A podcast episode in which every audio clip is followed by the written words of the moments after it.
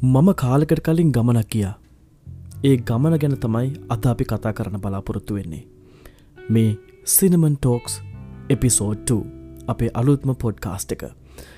ජනමාධ්‍යවේදියෙක් වෙන්න ඉන්න ඔබට ඒ වගේම ජනමාධ්‍යකාරෙක් වෙන එක ගැන හරියටම දන්නේ නැති ඔබට මේ කතා බහ ගොඩක් වැදගත්වේවි සහ රසවත්වේවි කියලා හිතනවා. සබස්ක්‍රයිබ් කළ නැත්තං අප YouTube චනල් එක දැන්ම සබස්ක්‍රයිබ් කරන්න. මොකද කලාවට හිත ඇති ඔබට රස බර වැඩස්ථාන රසක් කෙනීමට නියමිතයි.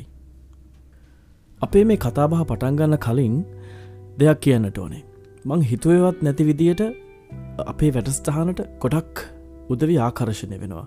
ඒවගේම තමයි මේ වැඩස්ථානින් කතා කරන දේවල් ගැන ඕ නිදිරේදි පලාපොරොත්තු වන දේවල් ගැන මට කියලෙව්ව යෝජනා තිබුණ ඒවගේම තමයි පුංචි පුංචි චෝදනා තිබුණ මේ හැම දෙයක්ම මම හිතල පලලා හදාගෙන ඉදිරියේදි මේ ගමන යන්නට ඔබත් එක්ක ලෑස්තිී. ඉතින් බොහොම ස්තුතියි ඒ ආදරයට තිගින් දිගටම රැඳෙන් අපිත් එක්ක අපි සූදානම් කලාව ගැන කතා කරන්න. කොටක්ද අපිට තියේ කතා කරන්න. අපි ප්‍රෘති වාර්තා කරන ගැන කතා කරනවා ජනමාධ්‍ය ගැන කතා කරනවා සංගීතය ගැන සිනමාව ගැන ටෙලිනාට්‍යය ගැන කෙටි කතාව නවකතාව නාට්‍ය මෙවන් වූ හැම මාතෘකාවක් ගැනමිතිරීදි කතා කරන පලාපොරොත්තු වෙනවා. දන්නා නොදන්නා සීලු දෙනාටම අනගේ අවස්ථාවක්වේවි මේ දේවල් තැන කියා ගන්න. එහෙනම් ඒ පොරොන්දුවත් එක්ක අද දවසේ අපි පටන් ගන්නවා අපේ පොඩ්කාස්ට් එක සිනමන් ටෝක්ස් මම ගිය ගමන ගැනයි මේ කතාව. කොටිම කිවොත් මේක තිත්ත ගමනක්. බොහෝ මමාරු ගමනක් ඒ වගේම ඉතාමත් සුන්දර ගමනක්. ජනමාධ්‍යවේදියෙක් කියල කිව්වහම ඔහුට මිනිසුත් එක කතාබහ කරලා මිනිසුත් එක හැසිරෙන විදිිය ගැන ඉස්සෙල්ලම දැනීමක් තියෙනට අවශ්‍යයි. මට මුලිදම් මේදේ තිබුණා කියල මම විශ්වාස කරනවා. මගේ ගම මාතර හැබැයි මම කොළඹට එන්න ඕන ජනමාධ්‍යවේදියෙක් වෙන්න. ජනමාධ්‍යවේදියෙක් වෙනවා කියන එක කොටස් ගණනාවකට බෙදෙනවනි අපි පහුගේ පිසෝඩ්ඩකින් ගැන කතා කර නමුත් මට ඕනුනේ ගුවන් විදුර නිවේදකෙක් වෙන්න සහ රූපවාහිනී නිවේදකෙක් වෙන්න. රූපානි නිවේදකෙක් වෙන තැනට අපි පස්සේමු. ඉස්සල්ල කතා කරමු කොහොමද මම ගුවන් විදුර නිවේදකෙක් වුණේ කියලා. ඒකාල අපිට ගොඩක් රේඩියෝ චනල් තිබුණේ නෑ අහන්න තිබුණේ ගුවන්දිලි සංස්ථාව විතරයි. ඉතිං අපි හැමදාමත් අහන්නේ ගොන්දිලි සංස්ථාව යන වැඩස්ටහන් ඇතරම කිරන නාට්‍ය එතකොට ප්‍රවෘති සංගීත වැඩසටහන් මේ වගේ දේවල්. අමුතු අමුතු ආකාරයේ ඉතාමත් නිර්මාණශීලි වැඩස්ටහන් ඒකාලි ගිය. අද වෙනකොට ඒවා කොටක් තුරට දකිින්ට ලැබෙන්නේ නැහැ. නමුත් ඒ කාලෙ මම හිතන්නේ ඒවයින් තමයි අපිට පන්නරය ලැබුණේ. පන්නරයටත් වඩා ආසාාවක් කියල දෙයක් හිතුන කියල තමයි මනං අදරත් විශ්වාස කරන්නේ. ඒවගේ මොවුන්ගේ භාෂාභාවිතය එතකොට හඬේ තිබුණු ගැඹුරු බව මේ හැම දෙයක්ම අපි වශී කරගත්තා. ඒකල පැවිසි අතරම රඩි චාල් තිබුණෙත් නෑන. එක වෙලාවකට විතර මහිත උදේ හයට පටන්ගත්තම රෑනමයනකොට චනල්ලකේ වැඩකටතු සේරම ඉවරයි. ආය පටන්ගන්න උදේ හයට. ඒ වගේ. ඒවගේම තමයි කොහොමද කැම්ම ඉස්සර අර තබ්ල සෝලෝ එක ගිහිල්ලා වෙලාවු දෑසන හයයි. මේ ශ්‍රී ලංකාගුවන් විලි සංස්ථාවයි මෙන්න ප්‍රවෘති ඕහොම කියනකොට ඇඟෙට එන හැඟීම ඇගේ හිරිගඩු පිපෙනවා. මේ වගේ දේවල් සිද්ධ වෙනවා. මේ හන්ඩිං උුණු විපර්යාසන මේවා. අපි කවදාවත් රූපයක් දැකල නෑනයවුන්ගේ ඉතිං ඔන්න ඔතන්දි තමයි පුදුමාකාර ආසාාවක් දැනෙන්නේ. අනේ මටත් කවධරි දවසක මේ කතා කරන්න තිබ්බනම් මගේ නම රේඩියෝක ගියොත් ඔන්න ඔය වගේ දේවල් හිතිල තිබුණු අවස්ථාවමට තිබුණ නමුත් කවදාවත් ඔයහි නෑ යථාර්ථයක් වේවි කියලා හිතුවෙනෑ නමුත් කැපවීම තිබෙනවනම් අනිවාරෙන්ම ඒදේ ඉටු කරගන්න පුළුවන් කියනක තමයි මගේ හැඟීම. ඊට පස්ස අපි රූපවාහනින් දකින්න ගන්නවා තවත් නිවේදක නිවේදිකාව. සමන්න තවද හෙට්ටි පාලිත පෙරේරා නලින් කරුණාරත්න ඉදුනිල් දිසානායක මේ වගේ දැවන්ත චරිත. ඔවුන් වැඩසටහන් කරනකොට කරපු වැඩස්ටහනුත් එකිනෙකට හැම තිස්සෙම වෙනස් ඔබට මතක ඇති නලින් කරුණරත්න නමය පහ කරනවා. ඒවගේම තමයි සමන්නතාවද හෙට්ටි මනොහරි කරනවා. මේ වගේ අලුත් වැඩසටහන් එක්ක අපේ ලෝකයේ වීරය වනේ මෙන්න මේ උදවිය. නමුත් අද වෙනකොට බොහෝම අල්ප සහ අතලොස්සක් පමණයි මේ විතියේ මාධ්‍ය වීරවරයන් සහ වීරවරියන් දැකගන්නට අපිට ලැබෙන්නේ. ඒක මහා අභාගයක් විදිට මං අත්තවස දකිනවා. මොකද අපිට තිබුණු ඒ සම්පත් අද දවසේ ඔබට දකගන්නට පුළුවන් කමක් ලැබෙන්නේ නැහැ. සමහරලාට ඔබට පුළුවන් මට එකඟ නොවීන්න මොකද සමහරලාවට ඔබ කැමති නිවේදක නිවේදිකාව ඉන්න පුළුවන්. නමුත් ඔබ YouTube මාධ්‍ය හරහබට බලන්න පුළුවන් පැරණි වැඩස්ටහන්. එතකොට තවත් ඔය ආකයිව් වලින් බලන්න පුළුවන්. එතකොට ඔබට තේරේවි අද සහ එදා භාෂා භාවිතය එතකොට හඬ පෞරුෂය සහ ඔවුන්ගේ පෞරුෂය මොනවගේ දෙයක්ට අපිට ගෙනාවේ අපිට ගැන්ුව කියන එක ගැන. ඒවගේම තමයි අතටත් මම දුක්වෙන දෙයක් තියෙනවා. මට ප්‍රේම කීර්ති දල්විස් කියන ඒ මහා පුරුෂයාගේ ෆැටස්ටහන් අහන්න පිනක් තිබිලනෑ ඒක ඇත්තටම භාග්‍යයක් ගුවන්දුර නිවෙදකෙක් වෙන සබකෝලය නැතිවෙන්නම ඕනෙද? සබකෝලය නැතිවෙන්න මෝන කියල කතාවක් ඇත්තටම නෑ මොකද මම ඉස්සර ඉතාමත් බියගුළු පුද්ගලයෙක් මයික්‍රෆෝනේට. ඒවගේම තමයි සභාවක් ඉදිරියේ නැගී සිට කතා කිරීමටත් මං ඉතාමත් බය නමුත් ඔබට ඌමනාවක් තියෙනවනම් ඔයද නැති කරගන්න පුළුවන්. ඔය වැඩේට පාසල කියන තැන ඉතාමත් ලොකු පිටිවහලක් වෙන තැනක්. මොකද ඔබේ පාසලින් තමයි මේ දෙවල් පටන්ගන්නේ විවිධ විවාද සංගම් තියෙනවා කතික සංගම් තියෙනවා. එතකොට අපි හිතමු සාහිත සංගමය කතාවක් කරන්න. මේ වගේ තියෙන හැම තැනක්ම ඔබ තෝතැනක් විදිට ගන්න. ඔබට පුළුවන් කතා කරන්න. ඔබ සමහර වෙලාවට මේකදේ පටන්ගනිද්දී ඔබ එකම දේ තුන් හතර පාරක් කතා කරලා තියෙන පුළුවන්. නමුත් එක් ගණන්ගන්න එපා. එහෙම තමයි එක හැටි. ඔබ පටන්ගන්න නොය විදියට. ඔබට උපත්තියම් දක්ෂ කතිකයකගේ තියෙන ඒ ගතිලක්ෂණ නැතිවෙන්න පුළුවන්.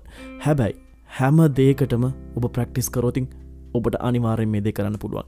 කතික සංගමයකට යන්න විවාද සංගමයකට ගිහිල බැඳෙන්න සාහිත සංගමය කතාවක් අනිවාර්ය මරගෙන කරන්න බයවෙන්න එපා. ඔබ අනිවාර්ය මේ දෙක් කළ යුතුයි. ඔබට සිහිනයක් තියෙනව හඹා යන්න.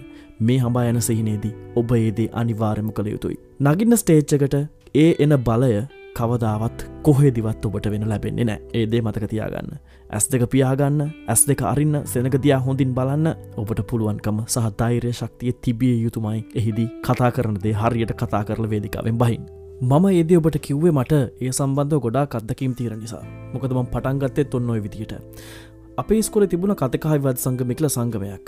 මට තිබුණුවේ ආසාාව නිසාම නිවේදකෙක් වෙන්න තිබුණු ආසාාව නිසා මම එම සංගමයට බැඳෙනවා. මම එතරම් චතුරකත්තකයෙක් නෙවෙයි. අර ඉස්සල්ල කිව්ව විදියට එකම කතාව දෙතුම් පාර කියලා මම ස්ටේජකින් බැහල තියෙනවා. ඔන්න ඔහොමින් අතරවාරයක සවන ගුවන් උදිලිය කියලා අද වර්තමානය ශ්‍රී එදා සවන ඔන්නහොමතමයි පටන්ගත්තේ ඔය ගුවන් විදිලියට නිවේදකයෝ තෝරනවා කියලා කතාවත් තිබුණා. අපේ පාසලටත් පනිඩක් ඇවිල්ල තිබුණා. මෙන්න මෙමයි මාතර ශාන්ත තෝමස් කුමර විදුහලේ තියෙනවා මේ සම්මුක පරීක්ෂණයක්. නිවේදක වෙන්න කැමති උදවීන්නවනම් එන්න ඇවිල්ලා සම්බන්ධ වෙන්න කියලා. ඉහේ මලක් පෙපුනාසේ ප්‍රීතියෙන් පිනාගියපු මම ඇතුළු කණ්ඩායමක් අපි යනවා ඔය පාසලට. යට පස්සේ මාතර පාසල්වලින් භාගයකම ඉන්න සිසු සිසුවියන් මෙම සමක පරීක්ෂණ සඳහා විල්ල හිටිය. සම්මක පරීක්ෂණයක් කියල කිවට මේකේ තියෙනෙ තමන්ගේ ක්‍රියේටව් කමහෙම නැත්ත නිර්මාණශීලී භාවය පෙන්නන්න තැනක්. ඉතිං එතනිත් තියෙනවා වේදිකාවක්. අපි වේදිකාවට නැකල කතා කරන්න ඕන. අපිට විනාඩි දෙකක් දෙෙනවා. කතා කරන්න ඕනේ. කතා කරලා බැස්සට පස්සේ ගොල්ලො තෝරගන්න නම් තෝරගනීවී කියලා තමයි කිව්වේ. කෝමහරි ඔය වෙලා වෙනකොට තනුජ් හේමන්ත අද දවසේ බොහොම ජනප්‍රීනිවේදකෙක් ඔහු තමයි තෝරණ පුටුවේ හිටි ඉතින් මමත් නැග්ගා. නැගලා මොනුවගිවූද කියලා මට අතනං හරියට මතක නැහැ. නමුත් මම වශන තුනක් කියන්න ඇති.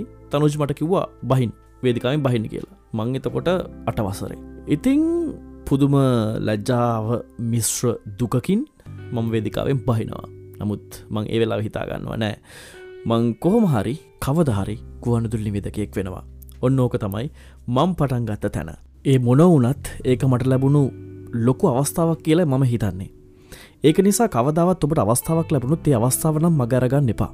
කොහොමරි ඒ අවස්ථාවට සහභාගි වෙන්න. ඒක තමයි වැදගත්. තිනුම හෝ පරාජය නෙවෙයි. ඔබට කවධරි දවසක දිනන්න පුළුවන්. ඒ වුනාට අවස්ථාවක් ලැබුණුත් ඒ අවස්ථාව නැති කරගන්න දෙපා මෙතරින්දන් කතාව ගොඩක් රසවත් එකක් වේවී. කතා විස්රහට යන්න කලින් පුංචි කවියක් කියන්න ඕන. මේ කවියක්කවට කවියක පරිවර්තනයක්. රොබට් රක්දෙත් ස්වෙන්ස්කී මෙයා මේ රුසියානු කවියෙක් ඉතා සමසේ තිස් දෙක ඉදක් ඉක්තා සමසය අනු හතර වකවානු තම ජීවත් වෙලා තියෙන්නේ. ඕගේ කෘතියක් තිබුණ එවරිඩේ මිරකල් කියලා. මේ කෘතියේ කවික පරිවර්තනයක්. මං හැමදාම තාස කරන දෙයක් මේක. මෙන මෙහෙම තමයි යා කියලා තිබුණේ. සාමාන්‍යෙන් කියනව නම් යම්විටක හෝ කවියක් නොතැනූ මිනිසෙක් මෙලොව නැති බව හොඳටම විශ්වාසයි. හැම කෙනෙක්ම එක් මට්ටමකට කවිලියති. හැම කෙනෙක්ම. ඊට පසු සිදුවන්නේ කුමක්ද. මට පෙනෙන හැටියට නවතින්නේ කොතනින්දයි දැන ගැනීම. කෙසේවත් බොහෝ මිනිස්සුවේ ඉතා පහසුවෙන් කරති. ටික දෙනෙකුට එ නවතා ගැනීම දුෂ්කරය. එහෙත් එසේ කරති. ඉතාම ස්වල්ප සංඛ්‍යාවකට පමණක් මේ කෙසේවත් නවතාගන්නට නොහැකිවේ. ඔවුන් දිගින් දිගටම කවිලියති. මම කියන්නේ ඔන්න දිගින් දිගටම කවිලියන පුද්ගලය වෙන්න ඉතාම ස්වල්ප සංඛ්‍යාවක් තමයි ඉන්න ඒ වගේ උදවිය හැබැයි මමනං දකින විදියට ඔය කවි ලිවීම නවත්තගන්න බැරිවුණොත් ඔබට දිගු ගමනක් යන්න පුළුවන් කොහොමින් හරි මම දැන් ඔන්න ගුවන් විදුලි නිවදකෙක්වීමේ සිහිනය අතරම වෙලා හැබැයි අතරමංගුණෝතින් ඔය දෙ කරගන්න බැහැ කියලා මම හොඳටම දැනගෙන හිටිය. ඒක නිසා මම ක්‍රමයක් හෙව්වා ප්‍රාදේශය ගුවන් විදුලියකට පැනගන්න. ප්‍රාදේශි ගුවන් විදුලියකට වනත් ඒ කාලෙ පැනගන්න එක එතරම් ලේසි පහසු කටයුත්තක් නෙවෙයි. ඔබ දන්නා හඳුනන කවුරු හෝ පුද්ගලයෙක් එහි සිටි යුතුමයි. සීයට සීයක්ම කියල කියන්න පැහැ හැබැයි සියයට අනු අටක්වත් අනිවාරෙන්ම කවුරු හෝ දැනගෙන සිටිය යුතුමයි. ඔය කතාව එදත් අදත් ඒ විදිටම සිද්ධ වෙනවා. ඔබ පාසලේ දක්ෂ දරුවෙක් කියල හිතන්න නිවේදනයට ඒත් ඔබ අනිවාරෙන්ම කවුරු හෝ පුද්ගලයෙක් දැනගෙන සිටිය යුතුමයි. අඩුම තරම ඔබගේ ගුරුවරයා හෝ කවුරු හෝ පුද්ගලයෙක් දැනගෙන සිටිය යුතුමයි. එහෙම තමන්ට ඕන ඕන විදියට තමන් කැමති විදියට තමන්ට අවස්ථා ලබා දෙන්නේ නෑ. එක එදත් අදත් ඇත්තක් තිත්ත ඇත්තක්. ඒ බව තරය මතක තපාගන්න. හැබැයි ඔබ ඒදේ අනිවාර්යම කළ යුතුයි මොකද ඔබට ඉදිරි ගමනේදී විශ්වවිද්‍යාලය වෙන්නේ ඔන්න ඔය ප්‍රාදේශී ගුවන් විදුලි. ඒ බව තරය මතක තපාගන්න පුළුවන් තරං ඔය විශ්වවිද්‍යාලයට පැනගන්න උත්සාහ කරන්න. මට පුළුවන්කම ලැබෙනවා ඔය විශ්වවිද්‍යාලට පැනගන්න. අපේ ගමේ හිටිය මං අඳුරන මහත්මයක්. ඇයගෙන මම්බික මතක් කරන්න ඕන බොහෝ මාදරයෙන් මේ වෙලාවේ. ඇය වැඩකරේ ගුවන් විදුලි සංස්ථාවේ. මං ඇයට කිව්වා මෙහෙමයි. මට පුදුමාකාර ආසාාවක් තින අසීමිත ආසාාවක් තියන ගුවන්දුර නිවිදකෙක් වෙන්න. මට පොඩ්ඩක් උදව් කරන්න බැරිද? ළමා වැඩස්ථානකට පොඩ්ඩක් කිහිල්ල පත්තරයක් බලාගෙන ප්‍රෘතියක් කියන්න සින්දුවක් කියන්න ඒ වගේ දෙයක්. මං බලාපොරොත්තු නෝනු විදියට සතියකට විතර පස්සේ ඇය මට කියනවා පුතා මේ අමිත් කරුණාරන්ද කියලා මහත්මයෙක් මල් මල්වාරම් කියල වැඩස්ථනක් කරනවා කුඩා තරුවන්ට තවට මම නමය වසරේ අවුරුදු දාහතරක විතර කොළු ගැටෙක්. පොහෝම කැමැත්තෙන් මම කියනවා හරි ආන්ටිමම යන්න කියලා කියනවා. ඉතින් එදත් පුදුමාකාර සතුරු දනුවෙන් ප්‍රෘතියක් නිසා ඉතාම සතුරෙන් කල්කෙව්ව සතියකට පස්සේ මට අවස්ථාවල වෙනවා සඳුදා මල්මල් වාරම් පැටස්ටහන්ට සාපක් වෙන්න මට හොඳට මතකයි. හවස පහහිදං හයවනකන් තමයි ඕක තිබුණේ. මට එදා කරන්න තිබුණේ පුවත් පතක් පලාගෙන යම් කිසි ළමා ප්‍රෘතියක් කියන් විජයපුවත් පත වගේ තමයි මට මතක. ඉතින් ඔන්න වගේ ප්‍රෘති කෑලි දෙකතුනක් කිව්වා. ඕක හිටිය ලොකු අයියලා ලොකුවක් කලා ඒ අය තමයි වැඩස්ථාන මෙහෙව්වේ අර අමිත් කරුණරත් මහත්මය අමිත් මාම කියලා පිය කාලේ කොන්නතුලේද කිව්වේ. අදරත් මම පින් දෙනවා. ඔහු නැත්තං ඒ අවස්ථාව මට ලබා නොදුන්නා නම් මට මේ ගමන එන්න ලැබෙන්න එකක් නැහැ සහ එන්න වෙන්නෙකුත් නැහැ. ඉතින් කොහොම හරි ඔය විදියට මම සති ගානක් ඔය වැඩස්ථානට ගියා. ගියාට පස්සේ මාලාබෙගුණුවර්තන කියලා තවත් නැන්ද කෙනෙක් හිටිය. ඇය කරේ බදාතා මල්මල්වාරම් ඕක ගුවන් උදිලේ තිබුණනේ ළමාපිටිය ඒකට සමාන වැඩසටහනක් තමයි මේ වැඩස්ථාන මල්මල්වාරම් ඉදි සති දවස් පහේම තිබුණ පැයක කාලයක් රුහුණේ ඉන්න දවාදරුවන්ට මෙහි තිබුණු ප්‍රතිලාප සියල්ලම දෙනවා. කොහොමද මයික්‍රෆෝන එකට කතා කරන්නේ? කොහොමද නිවේදන හැකියාව දියුණු කරගන්නේ? මේ වගේ දේවල් එක්ක. ඉතින් ටිකෙන් ටික අපි මේ දෙවල් ඉගෙන ගන්නවා. ඒ වගේම තමයි අපිට මාධ්‍ය දැවන්තයව හම්පෙනවා අපි හැම්ම තිස්සෙම ඔවුන් දිහා බලාගෙන ඔවුන් කරන්න මොනවද? ඔවුන්ගේ විලාශය කොහොම දෙගොල්ල කොහොමද නිර්මාණ ශීලී වෙන්නේ? එතකොට ඔවුන්ගේ හඬ පෞර්ෂයවුන් හදාගන්න කොහොමද? මේ හැම දෙයක්ම අපි බලාගත යුතුයි. මම බලාගත්තා. ඒවගේම තමයි පුළුවන් තරන් අපි ඒ මාධ්‍ය මිතුරන් ඇසුරු කරන්නට අවශ්‍යයි. ඒක අනිවාරෙන්ම වීයුතු දෙයක්. මතකතියා ගන්න ඒක වටින්නේ ඔබට ඉදිරියේදී. ඔබට මාධ්‍ය මිතුරු නැතිව නෝතින් කවතාවත් ඉතිරි ගමනක් හම්බෙන්නෑ තමන් තනියම ගමනක් යන්න හිතන්න එපා. යාළුවොත් එක්කේ ගමන යන්න හිතන්න. පුළුවන් තර නිර්මාණශීලි වෙන්න. අපි නිවේදන වෘති කියලා ගත්තහම ඒ නිවේදන කාර්තව්‍ය ඒක කලාවක්. ඔබ ඒක මතක තබා ගත යුතුමයි.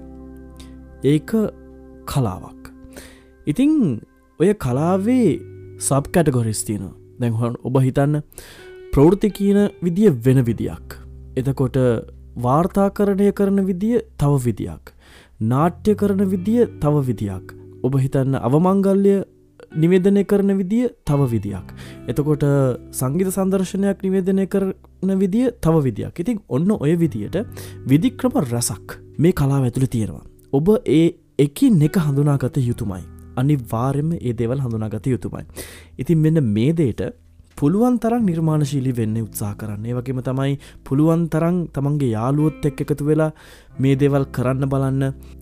මංකිවර ලොකු මාධ්‍ය මිතුරඉන්නවානේ ඒගොලොන්ගේ වැඩස්ටාන් වලට යන්න පොඩි කෑල්ලක් කිල්ල ගන්න කිහිල්ල මට ප්‍රෘතියක් කියන්න දෙන්න. අද මට සංගීත වැඩස්ථානය පොඩ්ඩක් නිවිදන කරන්න දෙන්න පුළුවන්ද? එහෙම කියලා අහන් කවදවත් ඔවුන් තරහ කරගන්න එපා.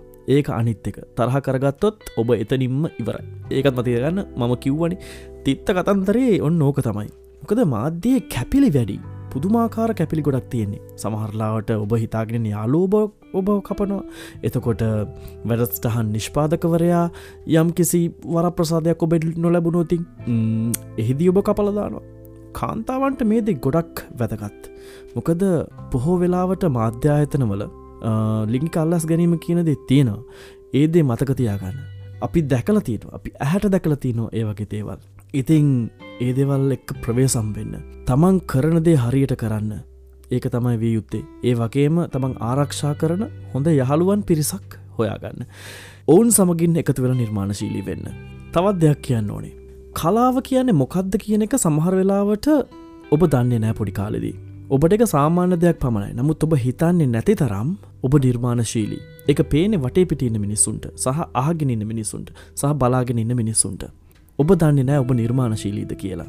ඉතින් ඒක නිසා ඔබ පොඩ්ඩක් හොයල බලන්න කාගෙන් හරි හල බලන්න මේ වැඩේ හෝන්දද මේ වැඩට තව මොනවද ඇඩ්වෙන්න ඕන? ඒ වගේම මේ වැඩෙන් මොනවද තවත් මම ඉදිරිපත් නොකරන්න ඕන? වෙන මේ වගේ දේවල් පොඩක් වටපිටෙන් හල බලන්න. එතකොට ඔබටම තේරුම් යාවී ඔබ මේ කරන කලාව ගැන ඔබට යම්කිසි අවබෝධයක් තියෙනවා සහ ඔබ මේ කරන කලාව හරි කියන එක සම්බන්ධ. ඒ වගේම තමයි ඔබට වුවමනාව කැපවීම සහ ඒ සඳහා වැඩකිරීම අනිවාර්යම කළ යුතුයි. මට සිද්ධ වෙනවා ගොඩක් පොත්පත් කියවන් ඒකාල මාත්‍ර පුස්තකාලේ මම නොකියපු පොතක් නැති තරම්. ඒ තරමටම අපි පොත්පත් කියව්වා. සඟරා කියව්වා. විද්‍යා සඟරා කියව්වා.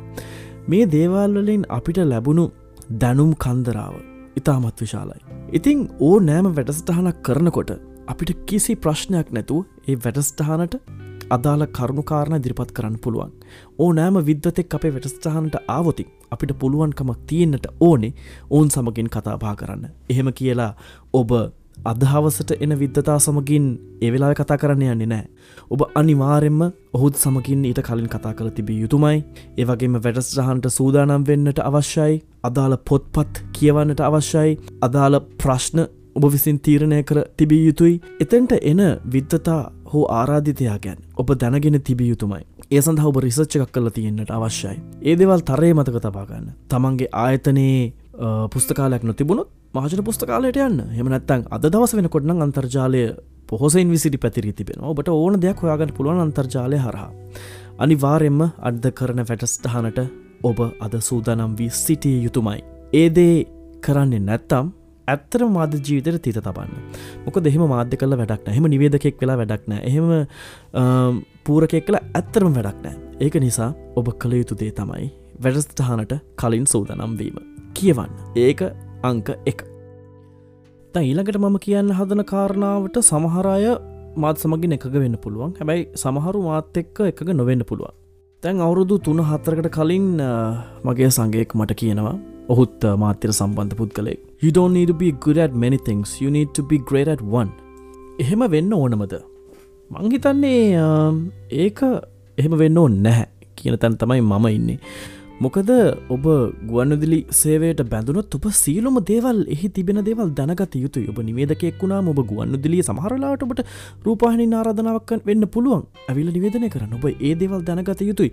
ඔබ එඩිට් කරන හැටි දැනගෙන තිබිය යුතුයි. ඒක තවත් දෙයක්. ඉතිං පුළු පුළුවන් වෙලාවට රෙකෝඩිංස් ගැන දැනගෙන තිබිය යුතුයි. ඔබට පටිගත කිරීම් ශිල්පියා සමගින් එතකොට සංස්කරණ ශිල්පියා සමගින් මේ අයවරුන් සමඟ පුළුවන්තරන් සම්බන්ධ හදාගන්න.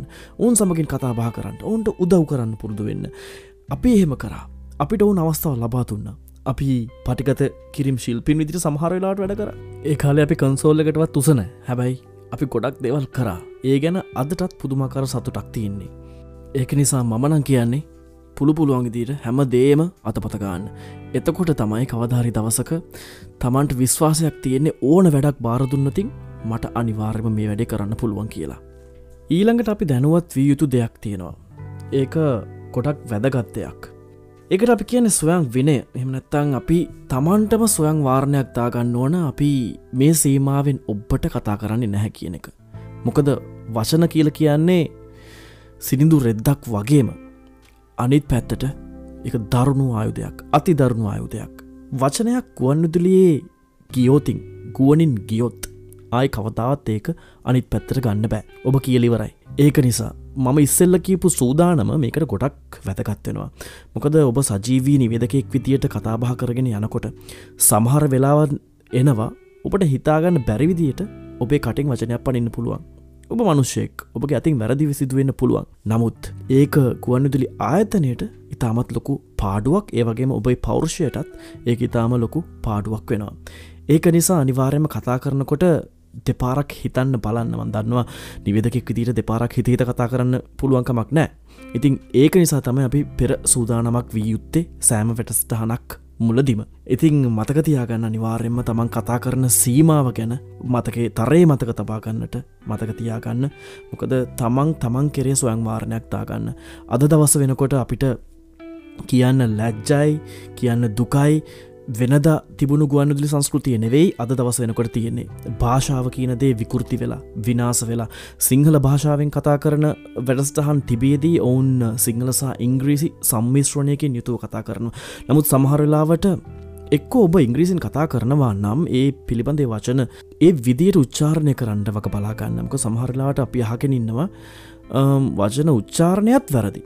ඉතිං එහිදී ඒ දේවල් ගැන අනිවාර්යම වගපලාගත යුතුයි. ඔබ සිංහල භාෂාව නිවේදකෙක් නම් සිංහල හරිහැටි උච්චාරණය භාෂා විවහාරය මේ දේවල්තකොට ඉංග්‍රීසි භාෂා නිවේදකෙක් නම් ඔබ ඉංග්‍රීසියෙන් කතා කරන විදිිය උච්චාරණය මේ සියල්ලක්ම අනිවාර්යෙන්ම මතකතබාගත යුතුයි. ඒ වකේම තමයි ඔබ අනිවාර්යම ඒදේ ඉගෙන ගත යුතුයි. මේදේ මතකතියාගන්න මොකද මේ නිවේදකෙක් වෙනකොට මේ දේවල් සෑහෙන වැතගත්වෙනවා නිවේදන වෘතිය කියල කියන්නේ රැකියාවක්. ඒ හරි. හැබැයි ඔබ පටන් ගැනීමේදී එය රැකියාවක් විදියටම කරනවාද කියන එක ඔබ සිතිය යුතුයි. ඒ ඉලක්කයට ඔබ යනව නම් මෙය ඔබගේ එකම ආශාව සහ බලාපොරොත්තු එම නැත්තම් පැෂන් එක වී යුතුයි. එහෙම නැත්තං ඔබට මැදහරියකති මේ කවිය ලියනක නතර කරන්න සිද්ධ වෙනවා. මේ කවිය ලියන එක නතර කරනැතුව දිගටම යන්න නං අනිවාරෙන්ම ඔබට ඒ සඳහා දැඩි ආශාවක් සහ කැමැත්තක් තිබිය යුතුමයි. ඔය කැපවීම කරගෙන යන කාලේ අපේ දවසෙන් වැඩි ප්‍රමාණයක් ගෙවුණේ රුහුන් සේවය ඇතුළේ. අපි එකට තැන හදාගත්තා. ඔබ දැනගත යුතුයි ඒ වගේ තැනක් හදාගන්න. මොකද යාලු පිරිවරාගන්න මාධ්‍ය සංගයෝ ඇසුරු කරන්න එතකොට තමන්ගේ ආයතනයේ තවත් විද්ධතුන් ඇසුරු කරන්න හුරුවෙන්න පුරුදුවෙන්න. ඉතිං ඔහොම වැඩි කාලයක් අපි රුහුන්සේ ඇතුළ ගත කරගෙන ගත කරගෙන යනකොට ඔන්න දේශපාලනය කියනති උතන්ට කඩා පාත්වෙනවා. මට අපේ අසන්ලෙක් එමට අයිය කෙනෙක් මැසේජ් එකක් එවල තිබුණා මල්ලි මේ වැඩේ නියමයි හැබැයි දේශපාලනය ගැන කතා කරන්න එපා කියලා මංහුට පොරොන්දුවක් වුණා කියන දේශපාලනගෙන කතා කරන්න එන්න ඒ උනාට මෙහිදි මේ තිත්ත ඇත්ත ගැන කතා කළ යුතුයි. දේශපාලනය කියන ඒ මජර සංස්කෘතිය මේ නිවේදන ශේෂත්‍රයටත් කඩාපාත්වෙනවා බහිරවෙක් වගේ. අපි නිකං වැඩ කරනවනේ. අපි බොහෝම ආසාාවෙන් තෘප්තිමත්ව ඒදේ කරනවනේ. එතකොට ඔවුන් අපෙක් වැඩ ගන්නවා. එක හරි. කොද අපිත් බොහෝ මාසාාවෙන් වැඩ කරන්නේ අපිටත් ඒ අවස්ථාව අවශ්‍යයි. මේ දේවල් මේ විදිට කරගෙන යනකොට දේශපාලනය කියනදේ මෙතැන්ට එන්නේ කොහොමද? අන්න එක තම ඉළඟ ඇත්ලු කවුරු හරි කාටහරි කඩේ ගියානං පොඩ්ඩක් කතා කරන්න පුළුවන් මනුස්සෙක්ට. ඒ දේශපාලක්ඥා විසින් පාලන අධිකාරය දැනුවත් කිරීමෙන් පසුව කොහොම හරි කරලා සහන නිවේදකෙක් විදිට ඕන්ව ඒ ගුවන් විදිලි හෝ රූපාහිනි මාධ්‍ය ජාලය ඇතුළට දාගන්නවා. එතකොට අපිට තනක්කෝ අන්න එක තමයි ඉළං ගැටලු. අපි අපේ ජීවිතයෙන් වැඩි කොටසක් මේ වගේ මාධ්‍යායතනකට වැඩ කරාට පස්සේ. ඔබ දුක්වෙන නරකයි මේ වගේ දෙයක් සිද්ධ වුණොති. ඕක ඇත්තරම බොහොම තිත්ත කතාවක් එවුනාට ඕක ඇත්ත කතාවක් එදත් අදත් ඔයදේ ඔය විදියටම සිද්ධ වෙනවා. ඔබ අනිවාරෙන්ම ඒ ඔබ තමන් කරන දේගෙන තෘප්තිමත් නං මේ දේවල් එක්ක සැලෙන් එපා. මම සැලුනෙත් නෑ අපේ යාලු සැලුනෙත් නෑ හැබැයි එක්තර අවස්ථාවකද මට සිද්ධ වෙනවා ගුවනදිලි සංස්ථාව සභාපතිවරය හම්බවෙන්න යන්න මං හොගේ නම කියන්න කැමති නෑ. යන්න වෙන්න මෙන්න මේ වගේ දේශපාලන හස්ත මගින් දාපු සහන නිවේදකයන් ගැන ඔහුට කියන්න. සහ අපිට සහන නිවේදක තනතුරක් ලබා දෙන්න කියන ඒ ඉල්ලිම කරන්න. මම කරපු වැඩස්ටහන් වල සහතික මේ සියල්ලක් මාරගෙන මම තවසක් කොළඹෙනවා ජීවිතය පළමු වරට කෝච්චයක නගින්නේ එදා. තනියම. අමල තාතරත් එක් කොළඹ ගියාට කොළඹ ගීල තිබුණු එකෙක් නෙවෙයි මම. ඉතිං ඔහොම ගිහිල්ලා මම බස්සයක නැගල යනවා ගුවන් උදිලි පරිශ්‍රයට කොළඹ හතේ. කිහිල්ලා මම කියනවා මට ඕල් සභාපතිවරය හම්බෙන්න්න උදේ දහයට විතර ඇති. ඉතිං එතන හිටපු නිලධාරෙක් මාවෙක්ක ගෙන ගිහිල්ලා සභාපතිවරගේ කාමරි සරහිත් තියෙනවා. හවස තුන වෙනකම් මං එතන ඉන්නවා. හවස තුනහ මාරට විතර කතා කරනවා ඇතුළට එන්න කියලා. මම යනවා. තමුසේ ඇයි ආවෙ කියලා හනවා එහෙම ඇහුව. තමුසේ ඇයි ආවේ? මං කිනවා සර් මෙහෙමයි. අසාධාරණ විදිට සහන නිවේදකයෝ වගේ කරන්තියෙනවා ගුවනුදුලේ රුහුණු සේවයට. මේ කෙතරම් සුදුසු ක්‍රියාවක් නෙවෙයි. අපිත් එක්ක වැඩ කරනවා මේ විදියට පුංචි කාලින්දම්ම වැඩකරපු පිරිසක් හිටිය රුණු සේවට තමන්ගේ තිවි හිමියෙන් වැඩකරපු පිරිසක් හිටිය. බොහෝම ක්‍රියටව් පිරිසක් එක නිර්මාණශීල පිරිසක් හිටිය. නමුත් ඔවුන්ට කිසිම අවස්ථාවක් නොදී මේ කොහෙදවත් නැති දේශපාලක්ජය කෙනපු තුන් හතර දෙනකොට මෙතන ඉඩ සලස්සා දෙනවා කියලා කිව්ව. කෝදන බන් තමසක ෆයිල්ලක් කියලා මගේ ෆයිල්ල කිල්ලුව ම දුන්න. මේ මොනෝදයිසි මේ කියලා එක පාරට මගේ ෆයිල්ල කුඩිම විසි කරලා තැපා මටාවේ බොහොම දුකක්. කම්පනයක් සහ තරහක් මේ තුඩම මිශ්‍ර වුණු සිතුවිල්ලක්. නමුත් බොනව කරන්නද? මං අවුරුදු දා හතක දහටක කොල්ලෙක්. කොළඹ මේ ලෝක දෙයක් දන්න කවුහරිමට ගැහුවත් ම දන්නේ නෑ එක නිසා මමාර උටින් ගියපු කොලටිකත් අහුලගෙන ආය පාරක් කෙලීට බහිනවා. ගුවන්ඩිල් සංස්ථාවෙන්. ඇස් දෙක කඳුළු කරන්න දෙයන්න එලිට බහිනකොට මට පේනවා ජාතික රූපානි සංස්ථාව ඉදිරියෙන් මගේ ඉදිරියෙන්. මම තීරණයක් ගන්නවා සමම හිතා ගන්නවා මේක වෛරපිරි හැඟීමක් ඇත්තරම කියනවනම් මං හිතාගන්නවා මම කවදහරි මෙතැන්ට යනවා. මම මෙතැන්ට ගිහිල්ල මම සජී වැටස්ටහනක් කරනවා. කරලා ඔබතුමා හි ආරාධිතෙක් ඉදිරි ගෙන්න්නනවා ගෙන්නලා මං ඔබ කරපු දේ මුළු රටම හෙන්න කියලා මගේ පුටුවෙන් නැගිටල යනවා කියන දැඩි අධිෂ්ඨානයෙන් යුතුව මම ආයකෝච්චි නැකළ මාතරෙනවා. ඉතිං අපි ඊට ජයග්‍රහණයක් ලැබුණ එන්න ඒ විදියට. මොනව කරන්නද? අපි පොඩියවුම් එහෙම කියලා ලොක්කොටිකත් කිව්වා. ඉතින් කරන්න දෙයක් නෑ. ඔය විදිර තමයි uh, ඒ වැඩිය සිද්ධ වුණ. හැබැයි අපි ඒ අතෑරී නෑ. අපි දිකින් දිකටම රුණු සෙවහිටිය. ඉන්න අතරේ අපිට එනවා දෙවියෙක් වගේ මනුස්සෙක්. හෝගෙ නම තමයි විජේදාසහයවගේ සිංහල සේවත් දක්ෂතුමා මන්දන්න කොහොමාවද කියලා එතුමාගෙන් අපිගෙන ගත්තෑ බොහොයි. එතුමා දැක්ක අපේ දක්ෂතා. සහමුළු කණ්ඩායම් දක්ෂතා දැක්කා. ඔහු කොළඹින් ඉල්ලීමක් කරා. මූන්ට දෙන්න වැඩස්ථාන් කීපයක් කරන්න. එහෙම කියලා මංහිතන ගුවන්විල් සංස්ථාවෙන් සල්ලි ටිකක් ගත්තව වැඩේට. එහෙම අරගෙන අපි එක්ක ගියා ශුෂ්ක ගම්පලත්වලට තුෂ්කර ගම්පලත්වලට ගිහිල්ලා හැම එක්කෙනෙකුටම එකන්නේ අපි හිටි මහිතන අවුරුදු දහටේ සිට විසි පහදක්වා විතර කාණ්ඩේ යාලු පිරිසක් මුන් හැම කෙනෙක්ටම එක ගමකට ගිහිල්ල වැඩස්ථානක් කරන්නට දුන්නා. ඔබ නිර්මාණශීලි වෙන්න මේ වගේ වැඩසටහන් කරන්න. ආවට පස්සේ සති දෙකකට පිරෙන්න්න වැඩසටහන් මුළු ගුවන්නුදිලිය යවන්න පුළුවන් සති දෙකට පිරෙන්න්න වැඩසටහන් අපි කරලා තිබුණා. පොහොම අග්‍රගන්න වැඩස්ථාන් වැඩක් තීර වැඩස්ථාන් මිනිස්සු ගැන කතා කරන වැඩස්ථාන් සංගීත වැඩස්ථාන් මේ වගේ ගොඩක් දේවල් අපි කරලා තිබුණා. ඔවුන්ට හිතාගන්නවත් බැරිවුණ මේ වගේ පොඩි පිරිසක් කොහොමද මේ වගේ ලොකු වැඩක් කරේ කියලා. අපි එදා ඔප්පු කරා. අපිට තැනක් ලබා නොදුන්නට අපිට මේ වගේ දෙවල් කරන්න පුළුවන් කියලා. ඔබත් අන්න ඒ වගේ පුද්ගලෙක් වෙන්න කවධහරි සල්ලි පලාපොරොත්තු වෙන්න පබට කවධහරි දවසක සල්ලි ලැබයි. තමුත් ඔබ කරන වැඩේ හරියට කරලා මිනිසුන්ට පෙන්න්න ඕනේ අනිවාරයම අපිට මේද කරන්න පුළුවන් කියලා. අපි කරා. අදටත් මගේ ගාව ඒකර ෆෙඩස්ටහන් තියෙනවා. දවසක වෙලාවක් ලබුණොතින් අනිවාරයම පොඩ් කාස්ටකෙන් ඒ දෙවල ඉදිරිපත් කරන්න බලාපොරොත්තු වෙනවා. හැබැයි අද දවස තාක්ෂණත් එක බලකොට ඒ කාලි තාක්ෂණය පොඩ්ඩක් ප්‍රාථමික නිසා මෙතරම් මම හිතන්න පැදිලිවේ කියලා. නමුත් ඉතාමත් වැතකත් වැටස්ථාන් කීපයක් මගේකාව අතටත් තියෙනවා. කොහොමින් කෝමහරි ඔය වැඩෙන් පස්සේ මට රේඩියෝ නිවේදකයෙක් වෙන එක පොඩ්ඩක් හිතින් පැත්තකට ගිහිල්ල හැම තිස්සම හිතන්න ගන්න ම රූපාන නිවේදකෙක් වෙන්න ඕන. රූපායන නිවේදකෙක් වෙන්න ඕන. එහෙම කියලමන් නිකං හිටිය නෑ. මම සිංහල ඉගෙන ගන්න පටන් ගත්තා. උසස් පෙළ සිංහල ඉගෙන ගන්න පටන් ගත්ත. මේ වෙලා මතක් කරන්න ඕන අනිවාරෙන්ම මට ඒ සඳහා උදව් කලා අපි ආදරට කෙනෙ බන්ටියක්ක කියලා. තේජා දේදු. ඇය දැම් මහබැංකුව වැඩ කරන්නේ. ඇය මට ඇත්තරම කියනනං පුදුමාකාර නිහතමානීත්වයකින් යුතුව. ඇය දන්න සිංහල සියල්ලක් ගැන්වා ඉතිං මහිතන ඒක මට ගොඩක් වැදගත් වෙන්න ඇති මොකදම ජීවවිද්‍යාංශයෙන් උසස් පෙළ හදාරපු තරුණයක්කේ කාලේ. ඊට පස්සේ මම කරේ හැමතිස්සෙම වගේ අයිදුම් කරනවා ජාතික රූපාණිට.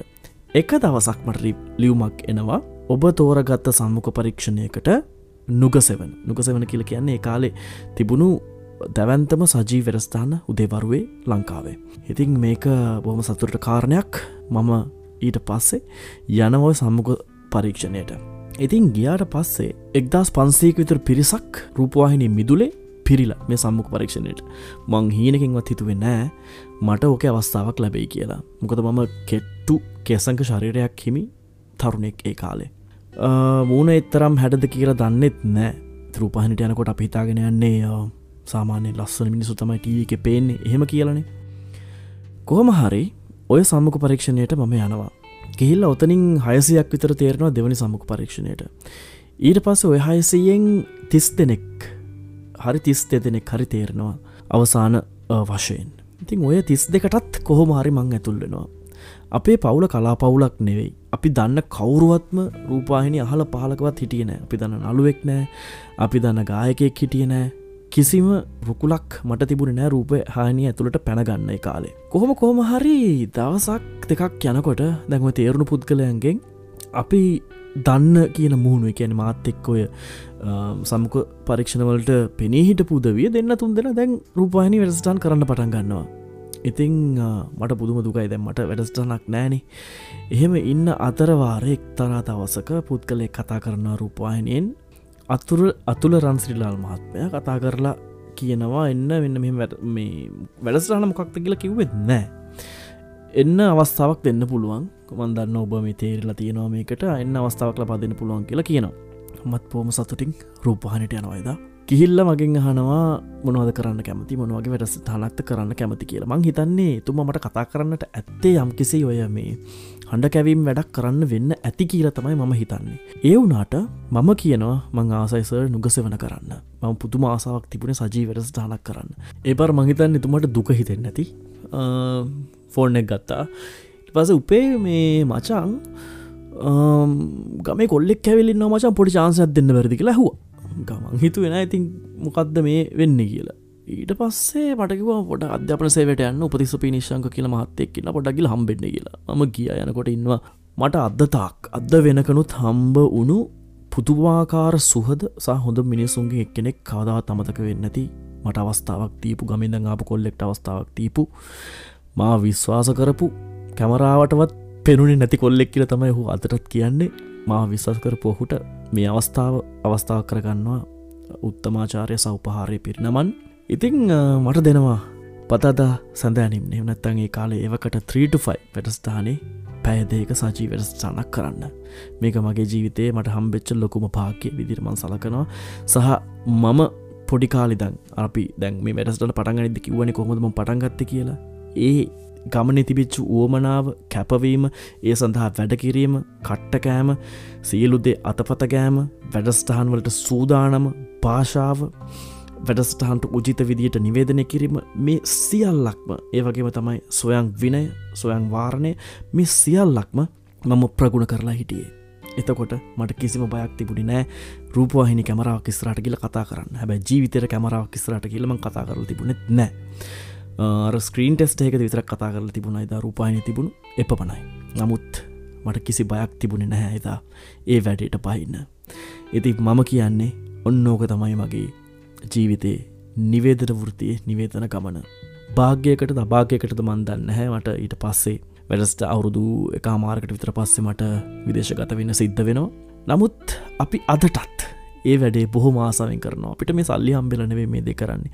පුදුමා කාරාසාාවක් තියන්නේ. මිනිසුන් දැනුවත් කරන්න. හරියට දැනුවත් කරන්න. ඉතින් ඒක නිසා ඔන්න විදිර තමයි මගේ මාධ්‍ය ජීවිතය පටන් අරගෙන මගේ රූපායනි දිවියෙන් කෙලවර වුණේ මංහිතන්න වැදගත්වෙන් නැති ඔබ මාධ්‍යකැන ඉගෙන ගන්නවනං ඉගෙන ගන්න හිතාගෙන ඉන්නවනං සහ මාධ්‍ය කොහොමද හැසිරෙන්න කියලා ඔබට දැනීමක් තිබුණ නැත්තං මෙතුවක් කාලෙකට ඔන්න ඔය ටික තමයි මාධ්‍ය ජීවිතය ඇතුළේ තිබියුතු බේසික්ස්. ඉතිං අද ඉඳං ඔබ දන්නති පුද්ගලෙකුට කියන්න පුළුවන් මෙන්න මෙහෙමයි මාත්‍යකාරෙක් වෙන්න නිවේදකෙක් වෙන මෙන මේ විදියට. බොහොම සතුටුයි සාබෝම ස්තුති අත්තවස අපිත් සමගින් සිනමන් ටෝක්ස් පොඩ්කාස්ට එකත් එක් එකතුවීම ගැන ඔබට ස්පොටිෆයකින් අපි වහන්න පුළුවන්. ඒවගේම ඇංක පලටෆෝර්මින් අපි වහන්න පුළුවන්. Google පොඩ්කාස්ටකින් අපි වහන්න පුළුවන්. ඒවගේම තමයි ඔබට පුළුවන් YouTube එකෙන් අපි වහන්න. YouTube එක සබස්ක්‍රයිබ් කළ නැත්තං ඔබට පුළුවන් අපිව සබස්ක්‍රයිබ් කරන්න. දන්න දන්න යාලුවන්ට කියන්න අපි ආඩ් ගැන කතා කරන සෙට්ට එකක් කියලා. ඉතින් අද දවසේ වැටස්ථාන මේ විදිර ඩිමා වෙනවා. මංහිතන්න වැදගැම්මකට ඇති දෙයක් ඔබට ලැබෙන ඇති කියලා. එහෙනම් අපි ලබන සති එපිසෝඩ් ත්‍රියකෙන් හම්බුවමු මම කියන්න අපි එපිසෝඩ් ත්‍රියගෙන් කතා කරන්න මොනවද කියලා. අපිත් එක් හැම දමත් එකතු වෙලා ඉන්න සිනමන් ටෝක්ස් බයි රණුක පොඩ් කාස්ට එකත් එක්ක ගොඩක් දේවල් දැන කියාගන්නට හැකියාව ලැබෙයි. හැම ආකාරයම කලාවක් සම්බන්ධව. ඒවගේම තමයි අහලා හොඳ නරක කියනත් අමතක් කරන්න එපා අනිවාර්යම හොඳ නරක කිව්වොත් තමයි අපිට වැඩේ තිකටම ඇදගෙන යන්න පුළුවන්කම තියෙන්නේ ඒවගේම තමයි දන්න දන්න යාලු හැම කෙනෙක් දැනුවත් කරන්න අපි සූදානම් අමුතුමාකාරය වැඩක් ඉදිරිට අරගෙන එන්න. එහෙනම් කියලෙන්නම් ආදරෙයි ජයවේවා සිනමන් ටෝක්ස් ආඩ්කාරයන්ගේ පොඩ්කාස්ට එකා.